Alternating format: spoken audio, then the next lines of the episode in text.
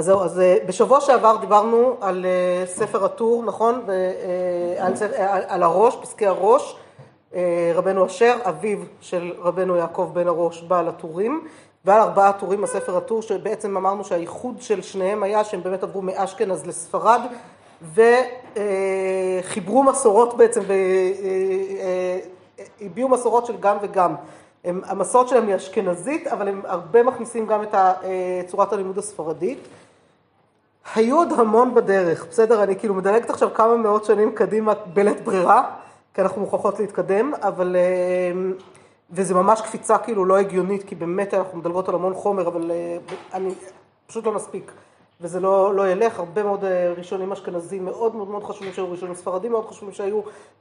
מי שתרצה להעמיק יותר פשוט תשלים את זה, ויש מספיק מה לקרוא ואפשר תמיד להגיע. אמרתי לכם, יש את הסדרה של הרב שילת מישיבת מעלה אדומים. סדרה על תולדות ספרות ההלכה, ממש אה, שיעור שיעור עם כל הספרות שהייתה וזה, זה, אז כאילו יש דרכים להשלים את זה. אני כאילו באמת אין לי ברירה אלא לרוץ קדימה, כי אנחנו כבר מתחילות להתקרב לסוף שנה. ואני קופצת כמה, אה, ממש מאות שנים קדימה, לגירוש ספרד. בסדר? גירוש ספרד, אנחנו מתחילות היום בעצם בשעה טובה את תקופת האחרונים. בסדר? את ראשית, ראשית תקופת האחרונים. נראה עוד מעט בהקדמה של הבית יוסף, שהוא זה שבעצם החליט שזהו, שהסתיימה תקופה, אם שואלים תמיד איך יודעים שמסתיימת תקופה, אז מה בעצם העביר אותנו מתקופת הגאונים לתקופת הראשונים? זוכרות? מה, מה, איך זה קרה שפתאום נהיה לנו מגאונים לראשונים? מה זה? לא גלות בבל, אלא פשוט התפוצה. זאת אומרת, עצם התפוצה, זה שיהודים התחילו לנדוד מבבל בארץ ישראל לתפוצות אחרות ולהקים שם מרכזים, זה בעצם מה ששינה את ה... אה, ששינה את הקבוצה שלך.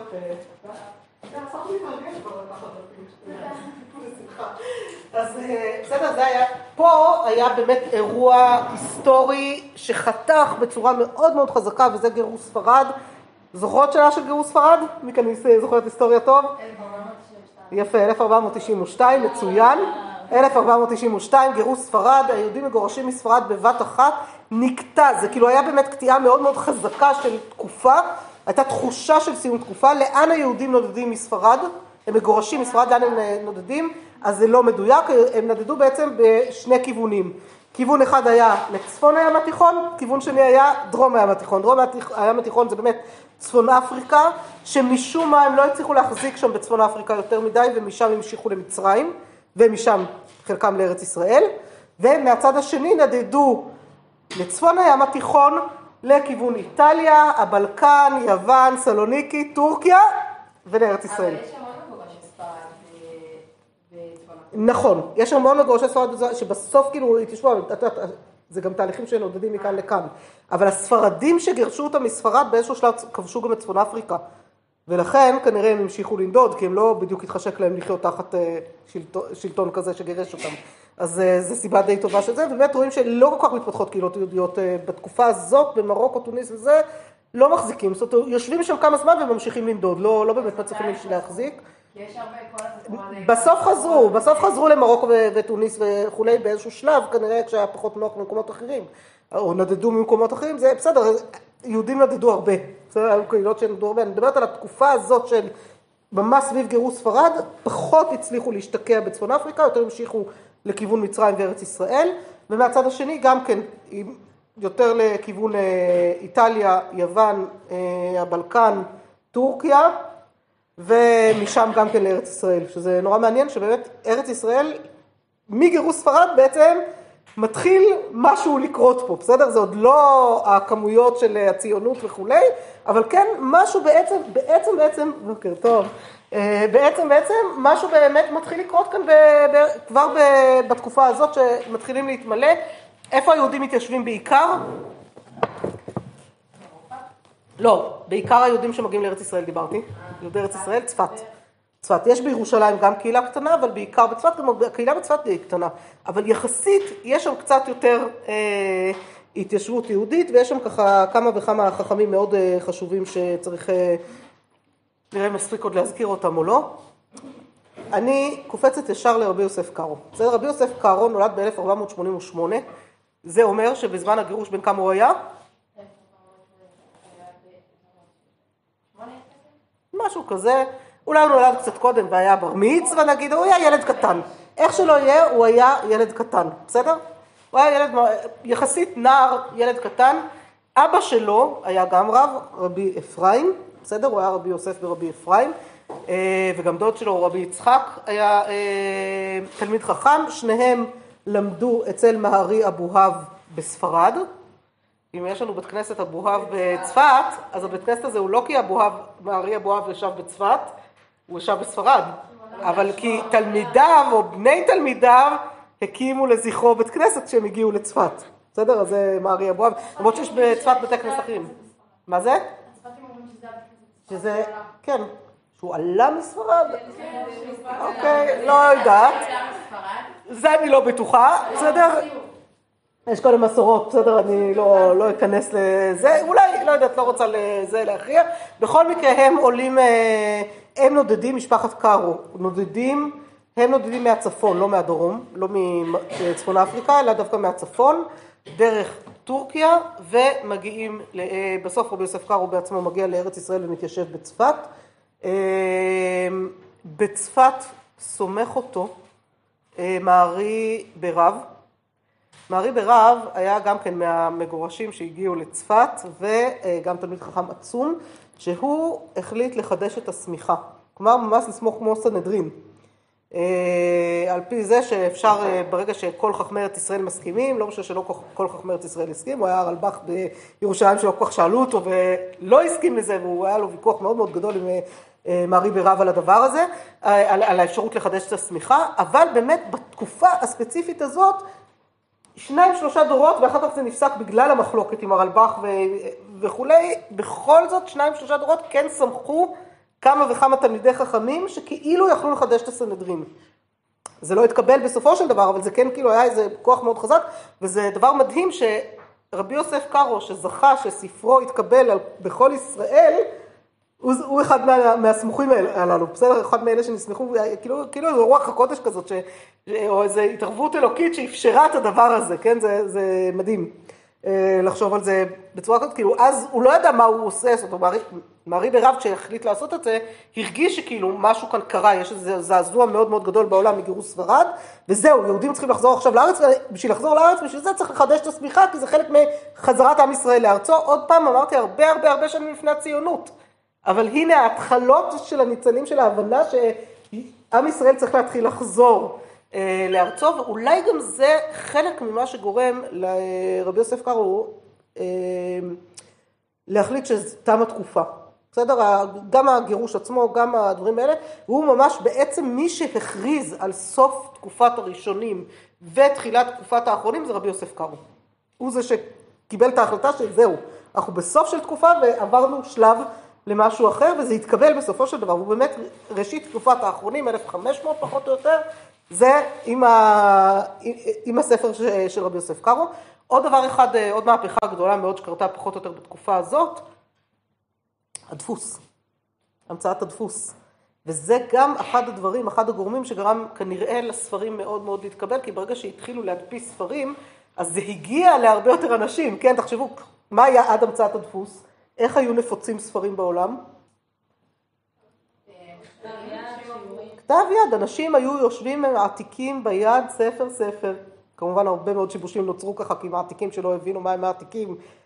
זה פליטות קולמוס מה שנקרא, היום אנחנו מדברים על פליטות מחשב, ואז היה פליטות קולמוס, זה כי מעתיקים לא הבינו מה זה, או העתיקו עכשיו גם הנייר ובכלל צורכי הכתיבה היו די יקרים, אז הרבה מאוד פעמים אנחנו מוצאים בשכבות, כלומר העתיקו ספר וספר נוסף בשוליים, או בכל מיני דברים, כאילו כל מיני דברים שאנחנו היום, תחשבו כמה אנחנו מזלזלים היום בנייר, כאילו כמה אנחנו לא, לא, לא מבינות בכלל על מה אנחנו מדברים בתקופה הזאת, אבל אה, כשהם מוצאים בגניזות בקהיר, בקהיר פשוט בגלל שהיא ארץ חמה, נשמר המון המון חומר, וזרקו לשם כל מה שכתוב באות עברית. אז כל מה שנכתב באות עברית זרקו לשם, אה, או שהיה משהו שקשור לקדושה, או שגם דברי חולין, מוצאים שם המון אה, מסמכים של חולין, אבל בגלל שהם נכתבו באות עברית אז זרקו אצל הגניזות שם בקהיר, ומצאו שם המון המון המון חומר שכמובן נפוץ בכל העולם, הגויים הרשעים האלה, כל ספרייה מכובדת לקחה לעצמה את ה... אוצרות של העם היהודי ומחזיקה את זה אצלם, זה חלק העבירו לעם היהודי ונמצא היום בספרייה הלאומית בירושלים, הרבה עדיין בקיימברידג', באוקספורד, ברוסיה, בכל מיני מקומות שזה נפוץ, אה, לכל המרבה במחיר, או לא יודעת מה, איך זה הגיע אליהם, מי שצריך לשים על זה את הידיים שלו. אה, וזהו, אבל יש שם המון המון חומרים מדהימים שבאמת אה, משקפים תקופות שלמות בעם ישראל, כי כתבו בכתב יד, ככה, ככה יש לנו את כתב יד הרמב"ם. הרמב"ם ישב במצרים, כתב בכתב ידו את ספריו, ויש לנו את הספרים שלו בכתב ידו, לצערנו בקיימברידג', חלק בספרי הלאומית אני חושבת, אבל עדיין יש גם בקיימברידג'. אה, אבל כן, יש לנו דברים שהרמב"ם כתב בכתב ידו, כן, אבל אחר כך העתיקו אותו. זה ברור שכשמעתיקים, אם אנחנו מוצאים את כתב היד המקורי של הרמב"ם לעומת ההעתקה המאוחרת, אפשר להשרות, אפשר ככה לעדכן גרסאות, ויש באמת אה, אה, יוצאים ספרים של הרמב"ם במהדורות מדויקות יותר, זה, זה כל הרעיון של מהדורות, מה זה מהדורות מדעיות? זה מהדורות שמנסות לבדוק מה היה הכי מדויק. מהרגע שהומצא הדפוס והתחילו להדפיס בדפוסים, אז כמובן יש לנו טעויות דפוס, בסדר? כל מיני שגיאות, אה, כמו שאמרתי, פליטות מחשב או מכונת כתיבה או מה שזה לא יהיה, אז זה היה סדר, כאילו, סידרו את זה ב... אגב, זה מדהים, אני עוד זוכרת, כאילו היום מי, מי יודע בכלל מה זה הדפסה, הכל בהדפסה דיגיטלית, היום לא, לא זוכרים. סבא שלי, זיכרונו לברכה, היה עורך ומביא לדפוס, היה גם סופר, גם עורך וגם מביא לדפוס, הוא כתב הרבה מאוד ספרים אה, אוטוביוגרפיות של אנשים, אז כאילו זה לא אוטוביוגרפיות, כאילו שהאנשים כתבו בעצמם, הם היו באים ומספרים לו סיפור, את סיפור חייהם, והוא היה כותב את זה בספרות, אה, כאילו בלשון יפה, כאילו משכתב את זה לספר, והוא יוצר מזה ספר, אה, ככה ספר של בורג למשל, אבא של אברהם בורג, יוסף בורג, הוא הוציא, או כל מיני אחרים. אז הוא, כשהייתי בילדותי, הוא לקח אותי לבית הדפוס לראות איך מדפיסים ספר, זה כאילו היה חלק מה... ממש מחברת הילדות, ואני חושבת שעד היום יש לי חתיכות עופרת כאלה, שקיבלתי שם שעשו לי בדפוס עם השם שלי והכתובת, שיכולתי להטביע את זה בדיו וכאילו להחתים כאילו כמו מין חותמת כזאת, וככה היו מדפיסים פעם ספרים, היה ממש חתיכות עופרת כאלה, והיה צריך לסדר אות אות על העופרת, וככה מדפיסים את הספר. זה היה עבודה אחרת לגמרי, היום הכל דיגיטלי, כאילו בכלל פער עצום אה, זה, לא יודעת לא הייתי בדפוס שנים, אבל אה, ברור לי שזה לא, כאילו הייתי בשביל לקחת חומרים שהדפסתי, אבל לא... ברור לי שהמכונות לא עובדות בצורה כזאת, היום היום הכל כמו מכונות צילום וכאלה, אה, כאילו בסדרים גדולים יותר. אז, אה, אבל אין ספק שהדפוס היה בהחלט אה, מהפכה ששינתה את פני העולם, והספרים הראשונים שנדפסו בדפוס זה היה ספרים יהודיים, לא סתם, עם הספר, בסדר? זה מאוד הגיוני, בין הראשונים זה. טוב, אני חוזרת לרבי יוסף קארו, בסדר? זה היה ככה רק כדי להבין את המהפכה, בסך הכל איך זה יכולנו לעבור תקופה בעצם אנחנו עוד רגע אחד ניכנס ממש לפרטים, אה, ואתם אה, כרגיל תלמדו קצת לבד, בסדר? כי זה חשוב. תדעו לכם שלקרוא הקדמות של ספרים, אני חושבת ששכנעתי אתכם בשבוע שעבר שזה מרתק. אז זה מה שנעשה גם היום, בסדר? כי זה באמת מרתק, גם ספרי היסוד הכי בסיסיים של עם ישראל, לקרוא את ההקדמות שלהם, זה באמת אחד הדברים אה, היותר מרתקים שיכולים להיות לנו. ו... אבל לפני שנעבור לקרוא את ההקדמה של רבי יוסף קארו, נדבר על שני הספרים שהוא כתב ושני הספרים שנכתבו במקביל אליו, בסדר? באשכנז. יש לנו, רבי יוסף קארו יושב בצפת, מכיר את ספר הטור, בסדר? רואה שיש כבר, מחליט לעבור תקופה, מכיר את ספר הטור, אומר וואלה, ספר הטור ספר מאוד מאוד מאוד מסודר, אבל צריך לפתוח בו את הסוגיות. כן, ספר הטור אמרנו מה הוא עשה, בש... מה אמרנו בשבוע שעבר מה הוא עשה? אסף דעות ראשונים, נכון? עשה אוסף של דעות ראשונים. אבל רגע, מאיפה הגעת לראשונים? מאיפה הראשונים הגיעו למה שהגיעו? צריך לפתוח, וגם ספר הטור לא תמיד הביא את כולם, וצריך לפעמים להשלים עוד, ולפתוח את המקור שיותר בגדול, ממש לעשות איזושהי פתיחה של הסוגיה אה, בצורה אה, יסודית. אז לכן הוא כתב את חיבורו, בית יוסף, בסדר? בית יוסף. חיבור שבעצם הוא פירוש לספר הטור. הוא חיבור לספר הטור, ובעצם השולחן ערוך הוא בסוף בסוף בסוף התוצאה של הבית יוסף. בבית יוסף הוא מברר, כמו שתראו בהקדמה עוד רגע, בבית יוסף הוא מברר את כל הדיון ההלכתי לעומקו, אומר איך מכריעים, בבית יוסף הוא גם קובע כללי פסיקה, קובע שעברנו תקופה, קובע כללי פסיקה, ובסוף היישום של כל זה, היישום, הוא באיזה ספר? שולחן ערוך, בדיוק. עכשיו שניהם כמובן, בגלל שבית יוסף הוא פירוש לספר הטור, אז זה על סדר הטור. מה שהטור קבע כסדר, זה מה שגם אה, רבי יוסף קארו ממשיך. וממילא גם את השולחן ערוך, יש לנו ארבעת חלקי שולחן ערוך שמקבילים לארבעת טורים אה, של אה, ספר הטור, כך שבעצם ספר הטור התקבע להלכה בצורה מאוד חזקה, בזכות בעצם הפירוש הזה של הבית יוסף והשולחן ערוך, אבל מי הדמות הנוספת שיש לנו במקביל אליו? מה זה? ערימה, יפה. ערימה, ששמו המלא הוא... יפה, רבי משה איסרליש. שהוא בעצם מגיע למסקנות קצת דומות וקצת שונות. אתם תראו בהקדמות גם, כמה, את, את, גם את ההבדלים ביניהם, בסדר? גם הרמ"א בפולין, בקרקוב, רואה אה, הרמ"א קצת יותר מאוחר לרבי יוסף קארו, בסדר? טיפה יותר אה, אה, צעיר ממנו. נולד בסביבות 1530, י"ח באייר. היה לא מזמן יום ההולדת שלו. אה, אז הוא קצת יותר זה, מה שכן, רבי יוסף קארו האריך ימים, נפטר רק בגיל 87, והרימה נפטר צעיר מאוד. לא ברור אם 33 או 43, אבל משהו כזה, נפטר ממש צעיר יחסית. הספיק המון בשביל אדם שנפטר בגיל כזה. הרימה אמ, בעצם רואה את הטור, ואומר, רגע, רגע, רגע, אבל יש המון המון המון ראשונים אשכנזים אחרי הטור, ויש מנהג אשכנז שהטור כבר לא הכיר ולא יכולה להכניס כי הוא התפתח יותר מאוחר והרבה מאוד פוסקים אשכנזים חשובים שבכלל לא מוזכרים וצריך לחזק את המנהג אשכנז. בטור מנהג אשכנז לא מקבל מספיק מקום, מספיק בסיס, אז הוא בעצם, מה שהוא עושה, אז הוא גם רוצה לפתוח את הסוגיות כמו הבית יוסף, אבל יותר מלפתוח את הסוגיות, הוא שם דגש מאוד מאוד חזק על מנהג אשכנז, ואיך קוראים לחיבור שלו על ספר הטור, מי זוכרת? מי יודעת? מה? לא, המפה זה על ה... זה, זה המפה. זה התוצאה. אבל משנה ברורה נגיע בהמשך עוד הרבה זמן. בסדר? עוד לא נגיע לשם היום. חיבור מקביל לבית יוסף, חיבור על ספר הטור, נקרא דרכי משה. יצא, יצא, יצא, דרכי משה, תכף נגיד. הוא התכוון באמת לפתוח את כל הסוגיות, ואז הוא גילה את הבית יוסף. וגילה, הוא, הוא ממש מסביר את זה נורא יפה, באיזה רגע זה קרה לו, תנסו לאתר באיזה רגע בדיוק, ואיפה, באיזה הלכות הוא היה כשהוא גילה את זה, הוא כותב את זה נורא נורא יפה, הלשון שלו גם אה, באמת, אה, זה, זה פשוט תענוג לקרוא אותו ממש. קצת קשה כי הוא כאילו משתמש המון בשיבוצים של פסוקים וביטויים מהתלמוד וכל מיני דברים כאלה, אבל זה, זה מה שמקסים. זה כאילו מה שכל כך עושה את זה אה, מרגש לקרוא. אז הוא התחיל באמת, דרכי משה הארוך, התחיל באמת בלפתוח סוגיות והכל, ואז גילה את הפרויקט של רבי יוסף קאר, אמר אוקיי, אז הוא השאיר לי בעצם את מנהג אשכנז להכניס, ויצר מזה דרכי משה הקצר. בסדר? יש לנו גם את דרכי משה הארוך, יש דפוסים שהוציאו את זה, אבל באמת עיקר הפרויקט זה דרכי משה הקצר, והוא נקרא קצר בגלל שהוא בעצם קיצר רק למנהגים, ששם הוא בעצם מביא את מנהג אשכנז, בסדר? הרבה מנהגי אשכנז, גם עליו יצאו קצת בגלל שהוא מביא בעיקר את מנהג אשכנז בפולין, ויש מנהג אשכנז גם במקומות אחרים, ולא תמיד הוא מתייחס לכולם.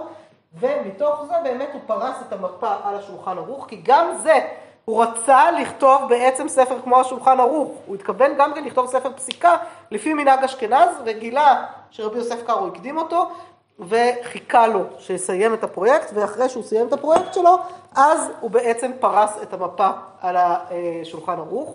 מה שנעשה עכשיו, שתי הקדמות הן לא כל כך קצרות, בסדר? אז לכן נראה לי שאנחנו, כמו בשבוע שעבר, נתחלק לשתי קבוצות. קבוצה אחת תלמד את הקדמת הבית יוסף, קבוצה אחת את הקדמת הרימה. אם יישאר זמן, נתחלף, כי אני חושבת שמאוד מאוד חשוב להכיר, להכיר את שתי ההקדמות. ההקדמות אה, לשולחן ערוך ולמפה אה, הן יותר קצרות ואותן אולי באמת אה, נעבור עליהן ביחד, ואני חייבת לכן עוד את ההמשך של הסוגיה של... המתנה בין בשר לחלב. אז נראה אם נספיק את זה היום, אם לא נספיק את זה היום אנחנו פשוט נשאיר את זה לתחילת הפעם הבאה עם יישום קצת של איך אה, לומדים הלכה, בסדר? יכול להיות שניכנס לזה רק אז, נראה לפי ההספקים היום. בואו קחו לכם עכשיו קודם כל, אתן עם הבית יוסף, אתן עם הרמה, בסדר, אתם יכולות לעשות את זה בזוגות, אתם יכולות לעשות את זה ברביעייה, לדעתי בזוגות עדיף. בדרך כלל חבורה של ארבע זה כבר אה, יותר מדי. אז אה, רעות אולי תעברי לשבת ליד רינת, ונועה ליד אה, תמר, בסדר? ונראה לי זה, ואתן שתיכן, יש כאן שתי חברותות, בסדר? קחו את, בואו נראה כמה זמן לוקח לכם, אני לא רוצה להגביל בזמן כרגע, חשוב לי שתקראו את זה כמו שצריך. ההקדמה של הרמה יותר ארוכה, אז מקסימום אתם תתחילו אותה גם כן במקביל, אחרי שתסיימו אותו בית. בסדר, אבל תתחילו. כרגיל השאלות שהנחו אותנו גם בשבוע שעבר, מה גורם לכתוב את הספר, מה אופי הספר, מה יש בו. תחפשו הבית יוסף, מי שעובדות על הבית יוסף את כללי הפסיקה, בסדר? חשוב מאוד מאוד שתעלו על כללי הפסיקה שלו. ברמה תחפשו מי הראשונים שחסרו לו ומה עניינם, למה הוא כל כך חשוב לו, זה בסדר? בקיצור, תתחילו לראות ואיך, ואיך הוא באמת מתייחס לרבי יוסף קארו ומה קרה שם בתהליך. יש לכם מספיק שאלות נראה לי אה, לשאול.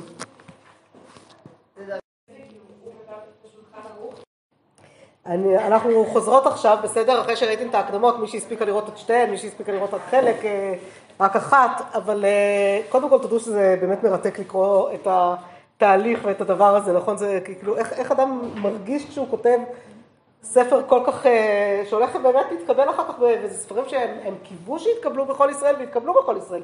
עכשיו, כאן אני מפרידה רגע אחד, בין הרמ"א לבין השולחן ערוך, בין רבי יוסף קארו.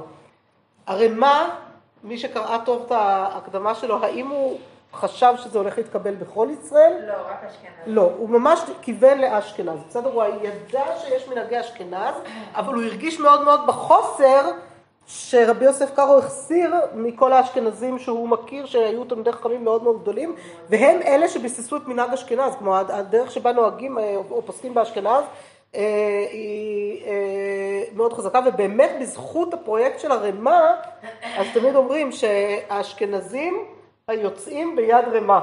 בסדר? ביד רמ"א, כי הם כאילו הולכים לפי פסיקת הרמ"א, וזה מאוד מאוד משמעותי. דרך אגב, זה בכלל בכלל לא מדויק לגמרי, בסדר? אני היום יכולה להגיד לכם, אה, אחרי, בדוקטורט שלי עסקתי בזה לא כל כך מעט גם כן, ועסקו בזה כמובן הרבה לפניי גם, ש... היו גם מנהגים אשכנזים שנכנסו ונטמעו בתוך ארצות המזרח. לא בפשטות אפשר לומר שהעדות המזרח נוהגות כמו רבי קארו, עדות אשכנז כמו זה, היו דברים שהתערבבו, היו קהילות אשכנזיות שספגו גם מנהגים, זאת אומרת, היו כל מיני דברים יותר מעורבבים, זה לא כל כך פשוט, במיוחד בהלכות נידה, שזה התחום שאני אה, חקרתי אותו בעיקר, ממש הרבה מאוד, אני חושבת שרוב קהילות אה, עדות המזרח נוהגו כמו ערימה ולא כמו השולחן ערוך. זה הפרויקט של הרב עובדיה שניסה כאילו למחוק את החמש מאות שנה האלה ולהחזיר עטרה ליושנה ולנהוג כמו רבי יוסף קארו, זה לא דבר כל כך פשוט. ורבי יוסף קארו בעצמו כותב שיזהרו מהדבר הזה. בואו עוד שנייה נראה את המשפט הזה, כי משפט מאוד מאוד חשוב לצורך. אז טוב, אז בואו נעבור ממש בקצרה, אנחנו לא ניקח עכשיו את ההקדמות, אלא רק נסכם אותן, בסדר? ממש בקצרה. קודם כל, מה היה חסר מה היה חסר לרבי יוסף קארו שגרם לו לכתוב את ההקדמה שלו? לא שקראו את ההקדמה של רבי יוסף קארו. היה חסר לו מקורות. היה חסר לו מקורות, היה חסר את הפתיחה של המקורות, את כל הדברים, כאילו מאיפה הכל הגיע, ובעיקר היה חסר שבאמת דברים התפזרו כבר, היה יותר מדי התפזרות של כל מיני אה, דברים, ואז הוא רצה לכתוב ספר שבאמת יעשה סדר ויראה את כל התהליך. על איזה ספר הוא חשב לכתוב את זה בהתחלה? על הרמב"ם, יפה. בהתחלה הוא חשב לכתוב על הרמב"ם, אגב, יש לו פירוש מאוד מאוד מאוד חשוב על הרמב"ם, כסף משנה, פירוש של רבי יוסף קארו על הרמב"ם, מאוד מאוד חשוב, בסדר? אז כאילו להיות מודעים לזה שהוא כן, הוא למד את הרמב"ם היטב ופירש אותו היטב, והוא לא ויתר על זה לגמרי, אבל למה הוא לא הלך עם הרמב"ם? מה הוא כותב? כי מה, מה היה ברמב"ם? כי הרמב"ם מביא פסק אחד, הוא לא נותן אפשרויות, הוא לא פותח דעות. אם אני רוצה עכשיו לפתוח, זה אומר שאם אני לוקח, הולך על הרמב"ם, אני אצטרך לנחש מאיפה הוא הביא את זה, ולהתחיל לפתוח את כל הסוגיות, זה, זה לא ספר נוח לפתוח דרכו סוגיות. והרמב"ם בעצמו כתב שלא יעשו את זה, זאת אומרת, זה, זה, זה דבר שהוא גם הגיוני לא לעשות אצל הרמב"ם, ולכן הוא בוחר בספר הטור, כי הטור באמת הביא כמה וכמה דעות וכבר קיצר לו חלק מהתהליך, בסדר? הוא בעצם קיצר חלק מהתהליך, אבל הוא ראה שעדיין צריך לפתוח שם הרבה מאוד דברים, וחלק מהדברים נשמטו בטור, אז מה הוא בעצם הוסיף על הטור? קודם כל, מה שהוא מוסיף על הטור, הוא פותח את כל המקורות התלמודיים, שזה הטור לא מביא. בסדר, הטור בדרך כלל לא מביא את הגמרא, אלא אה, את הגמרות, את התנאים, את כל החומרים האחרים, אז הוא מביא את כל המקורות התלמודיים דבר ראשון, אחר כך הוא מוסיף עוד סברות נוספות של ראשונים שהטור לא, בחר לא להביא והוא מוסיף אותם. כמו שאמרנו, לא הראשונים האשכנזיים בדרך כלל, לפעמים כן, אבל פחות הראשונים האשכנזיים שהרמ"א הכיר אלא יותר אה, אחרים, ומביא הסבר לסברות, בסדר? אז זה מאוד מאוד חשוב, אה, שלושת הדברים האלה שהוא אה, עושה שם. עוד דבר אחד שהוא מדגיש, זה שכיוון שהרבה מראשוני אשכנז הם תלמידים של בעלי התוספות ובעצם ממשיכי דרכם, אז לא תמיד הוא פירט את כל הראשונים האשכנזים לכל פרטיהם, אלא לפעמים כתב בקיצור בעצם את מה שהתוספות אומרים, כי זה הבסיס, זה השורש של אותה סברה. ואז הוא לא פירט אה, לגמרי, והוא אומר, אני יודע שזה פשוט אה, המשך של אותו בית מדרש, זה אותו תהליך שקורה. אבל למה הוא נותן דגש לחכמי אשכנז? בסוף הוא התבסס על הריף, הרמב"ם ורבי יעקב בעל טורים, שהוא כן היה אשכנזי. לא, הריף, הרמב"ם והראש. לא והראש? אבא של הטור. אז הוא עבר מאשכנז לספרד. שעבר מאשכנז לספרד, נכון, בסוף נתן יותר דגש לעמודי הפסיקה הספרדיים, אני מסכימה איתך, אבל הוא כן רצה שמי שרוצה ללמוד סוגיה יהיה מודע גם לכל האפשר... הדברים הנוספים. זה, זה חשוב. לא מבטלים את ראשוני אשכנז, גם אם הם, הוא לא פוסק אותם להלכה, וזה בדיוק מה שאחר כך מאפשר לרמה גם לפרוס את המפה יותר בקלות, כן? כי, כי הוא מביא את הדברים... אה, זה. בנוסף הוא כמובן אומר שמדי פעם הוא גם מביא את מארי אבואב, מורו של אביו, רבנו הגדול, כמו שהוא מכנה אותו, מורו של אביו, ואת אה, מורו שהסמיך אותו, אה, ששמח אותו בצפת, מארי ברב, רבנו יעקב לא, סליחה, מארי בן חביב, לא מארי ברב, אבן חביב, ו...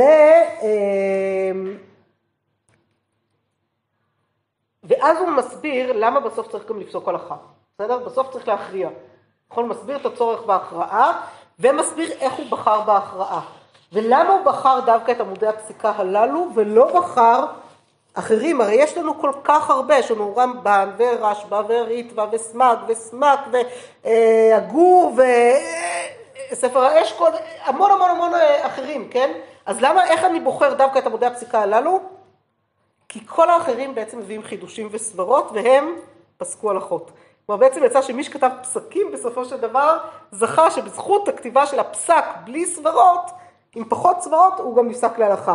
בסדר? זה מדהים התהליך שקורה פה, כשבעצם מי שהרחיב דווקא בסברה והסביר את דעתו והכל, לא זכה להיכנס, ודווקא הוכרעה הלכה לפי זה, ואז הוא אומר, אני הולך לפי שלושה עמודי פסיקה, וזה מאוד מאוד מאוד חשוב, שלושת עמודי הפסיקה שהוא אומר, ריף, רמב"ם, ראש, רבנו אשר, בסדר? אביו של רבנו יעקב בעל הטורים, שניים נגד אחד, בגדול, לא תמיד זה עובד, אבל בגדול, לפעמים הוא פוסק לפי הרמב"ם, גם בלי קשר לזה, בסדר, הוא ממש מעתיק את לשון הרמב"ם, אז זה לא תמיד עובד במאה אחוז, אבל זה בגדול מה שהוא עושה, אומר, כשאחד לא הביע את דעתו ושניים חולקים, אז אני חוזר לכל שאר הראשונים ומכריע דרכם, בסדר? מוסיף אותם, מכריע דרכם, או במה שהם לא הביעו עמדה או משהו כזה, אז אני חוזר באמת לאותם אה, אחרים.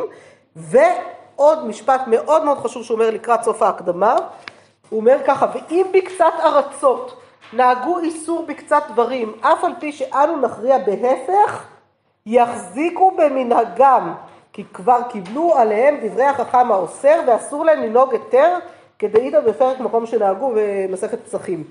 כלומר, יש עניין שגם אם אני פסקתי לפי עמודי פסיקה מסוימים, אבל כבר יש מקום שקיבל מנהג אחר, והוא מנהג לאסור, שיחזיקו באיסור שלהם, לא יכולים להתיר פתאום בגלל שאני פסקתי, זה כלל מאוד מאוד חשוב שלא כל כך פשוט היום, כי היום אנחנו הרבה פעמים חוזרים ל...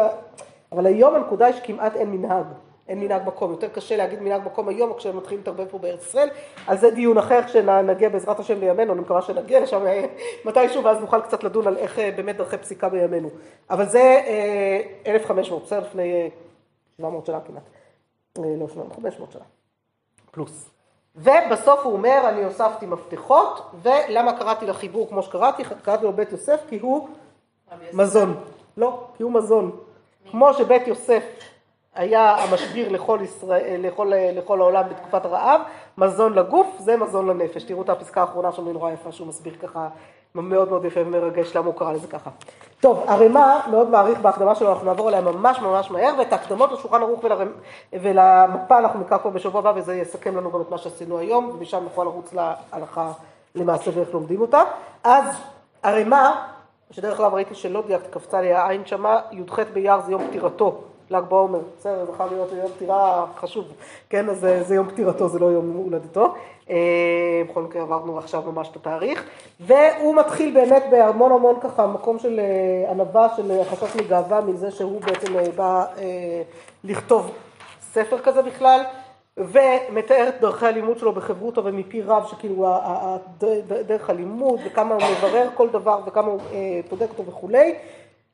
ומגיע לחלק שבו הוא מגלה שהוא באמת הולך לפתוח ולהביא עוד דברים ולפתוח על הטור כאילו הרבה מאוד דברים, והרגע שבו הוא מגלה את הבית יוסף, והוא נבהל נורא, כי הוא בעצם מבין, הוא אומר, מה, יגעתי לריק? לפני כמה שנים אחד בעלי זהב הזמין אותנו לסיום ש"ס שהוא עשה, הוא קרא לזה סיום ש"ס תלמוד של אחמד, כך הוא קרא לזה. ואז בסיום ש"ס הוא הסביר, הוא סיפר שהוא שירת במודיעין ונתנו לו איזה משימה להתלבש על איזה, נראה לי זה היה אחמד אחד, אני לא זוכרת, נדמה שזה היה אחמד, זה אחמד אחד, זה מחבל די רציני שהיה צריך להתלבש ככה לאסוף מודיעין עליו בצורה רצינית, הוא ישב כמה חודשים ואסף עליו מודיעין ואסף מודיעין ואסף מודיעין ואסף מודיעין, ואחרי שהוא סיים את הכמה חודשים האלה, אמרו לו, פתאום התברר שיחידה אחרת גם עשתה את אותה עבודה, ופשוט לקחו את כל התיק שהוא אסף ושרפו אותו וזרקו לפח הזה. הוא אמר, חודשים מחיי ירדו לטמיון, ואז קיבלתי על עצמי שאין דבר כזה, לא יכול להיות שיום מחיי ילך לאיבוד, ואני מקבל על עצמי ללמוד דף יומי כל יום, כדי ששום יום מחיי לא ילך לאיבוד, ואז הוא זכה לסיים את הש"ס. ככה, פשוט לא, שלא יעבר עליו יום בלי לימוד, שלא יהיה יום שהוא לא משמעותי בחיים, זה היה מדהים, זה היה נורא נורא מרגש הסיום הזה שהוא עשה, אז זה תלמוד של אחמד, זה בדיוק העניין, כאילו אתה יושב, עובד, עובד, עובד, עובד, ופתאום כזה שמישהו עשה את אותה עבודה, אז אתה אומר, מה, סתם יגעתי לריק, סתם בזבזתי הרבה מאוד שנים, זה נורא נורא קשה. ואז הוא אומר, אבל רגע, רגע, רגע, הוא נושם עמוק, בסדר? מסתכל מה עשה בית יוסף, רואה את הדמיון למה שהוא עשה ורואה גם את השוני, ומתחיל לדייק את השוני ולהתמקד בדברים השונים. בסדר? ואז הוא אומר, מה הדברים השונים? וזה מה שחשוב לנו ובזה נסיים. מה הדברים השונים בין הבית יוסף לרמה, לדרכי משה? שאם הבית יוסף פתח באריכות, אז הרמה בוחר ממש לקצר, בסדר? אז זה קודם כל קיצור. ממש בקיצור מילים, ככה בזה, להיות מאוד מאוד מדויק ומקוצר. אחר כך הוא אומר, אני מוסיף הרבה תוספות שהבית יוסף השמיט, כי הוא לא מכיר את הראשונים האשכנזים כמו שצריך, אז אני מוסיף את זה. והוא אומר, אני לא מקבל בגדול את עמודי הפסיקה שהוא הלך עליהם. מקבל בגדול אולי, אני לא מקבל שזה, כך צריך להכריע במדינותינו, במדינותינו באשכנז נוהגים אחרת, ואני הולך להגיד לכם מה המנהג אשכנז. מה הוא הוסיף? תוספות אשכנזיות שהרבה יוסף לא הכיר, או שהשמיט אותן מאיזושהי סיבה, הכיר והשמיט, ואחרי כן, בעיקר את העניין הזה שאנחנו צריכים פה לא להכריע דווקא לפי ריף רמב"ם בראש, אלא לפי מנהג אשכנז, ואני אכתוב לכם מה מנהג אשכנז, וכאילו נכריע לפי מנהג אשכנז, מה פתאום שנשנה ממנהגנו. כן, יש הרבה, ההלכה היא הלכה, בסדר בסופו של דבר, וזה נכון, אבל יש דברים שבהם בדיוק הסוגיה שעסקנו בה, של בין בשר וחלב, נראה שיש שם פער מאוד מאוד גדול, בסדר, בפסיקה הפשוטה, למרות שגם שם בסוף זה. בשולחן ערוך אנחנו בשבוע הבא נתעסק עם השולחן ערוך, בסדר? בעזרת השם נלמד אותו קצת בפנים, גם בטור בית יוסף וגם שולחן ערוך, שתבינו מה, מה עושים כשלומדים הלכה. אני, המשימה שלכם לשבוע הבא היא לחשוב כל אחת, או כל שתיים, עדיף שתעשו את זה בזוגות, כל שתיים על שאלה הלכתית שנורא נורא מסקרנת אותה, בסדר? ואנחנו נלמד איך אנחנו מחפשים את התשובות לזה, איך מתחילים ללמוד. זה הכלי שאני רוצה לתת, זה הכלי שאני רוצה לתת לכם, שאתם לא תצטרכו, כמו שאמרתם לי בתחילת שנה, לשאול את אבא או לפתוח את האינטרנט או כל מיני דברים מהסוג הזה, אלא תלמדו איך באמת לומדים הלכה, איך באמת מבררים שאלה בהלכה כשרוצים ללמוד אותה כמו שצריך, בסדר? תחפשו זו שאלה שככה ממש מעניינת אתכם, זה יהיה לא סתם. אתם יכולות, אם תספיקו כבר, להתחיל לבדוק ככה מה, מאיפה להתחיל לבדוק, איפה זה נמצא, באיזה טור, איזה חלק בשולחן ערוך, מה יכול להיות הכיוון בכלל, אבל נעשה את זה מקסימום ביחד פה ונצטרך את זה. אם תשלחו לי לפני כן את השאלות, אז תקלו עליי להתחיל להכין לכם קצת את החומר ולעזור לכם להגיע לזה, בסדר? אז אני נורא אשמח לקבל מכם במהלך השבוע מה השאלות שמטרידות אתכם, ואז נוכל לדייק יותר את העבודה. זהו, אני מסיימת פה, בסדר? אז זהו, הוא מסכם ממש בפסקה האחרונה בדיוק את העניין הזה שהוא מקצר ומוסיף ומשיג על ה... שולחן ערוך בכל מה שהוא לא, על הבית יוסף בכל מה שהוא לא מקבל את ההכרעה שלו ומסדר את הכל בסדר מאוד מאוד יפה ומסודר. שמירות הדתיים אנחנו נעבוד איתם עוד קצת גם בשבוע הבא, בסדר? ותזכרו לשלוח לי שאלות, אני גם אכתוב לכם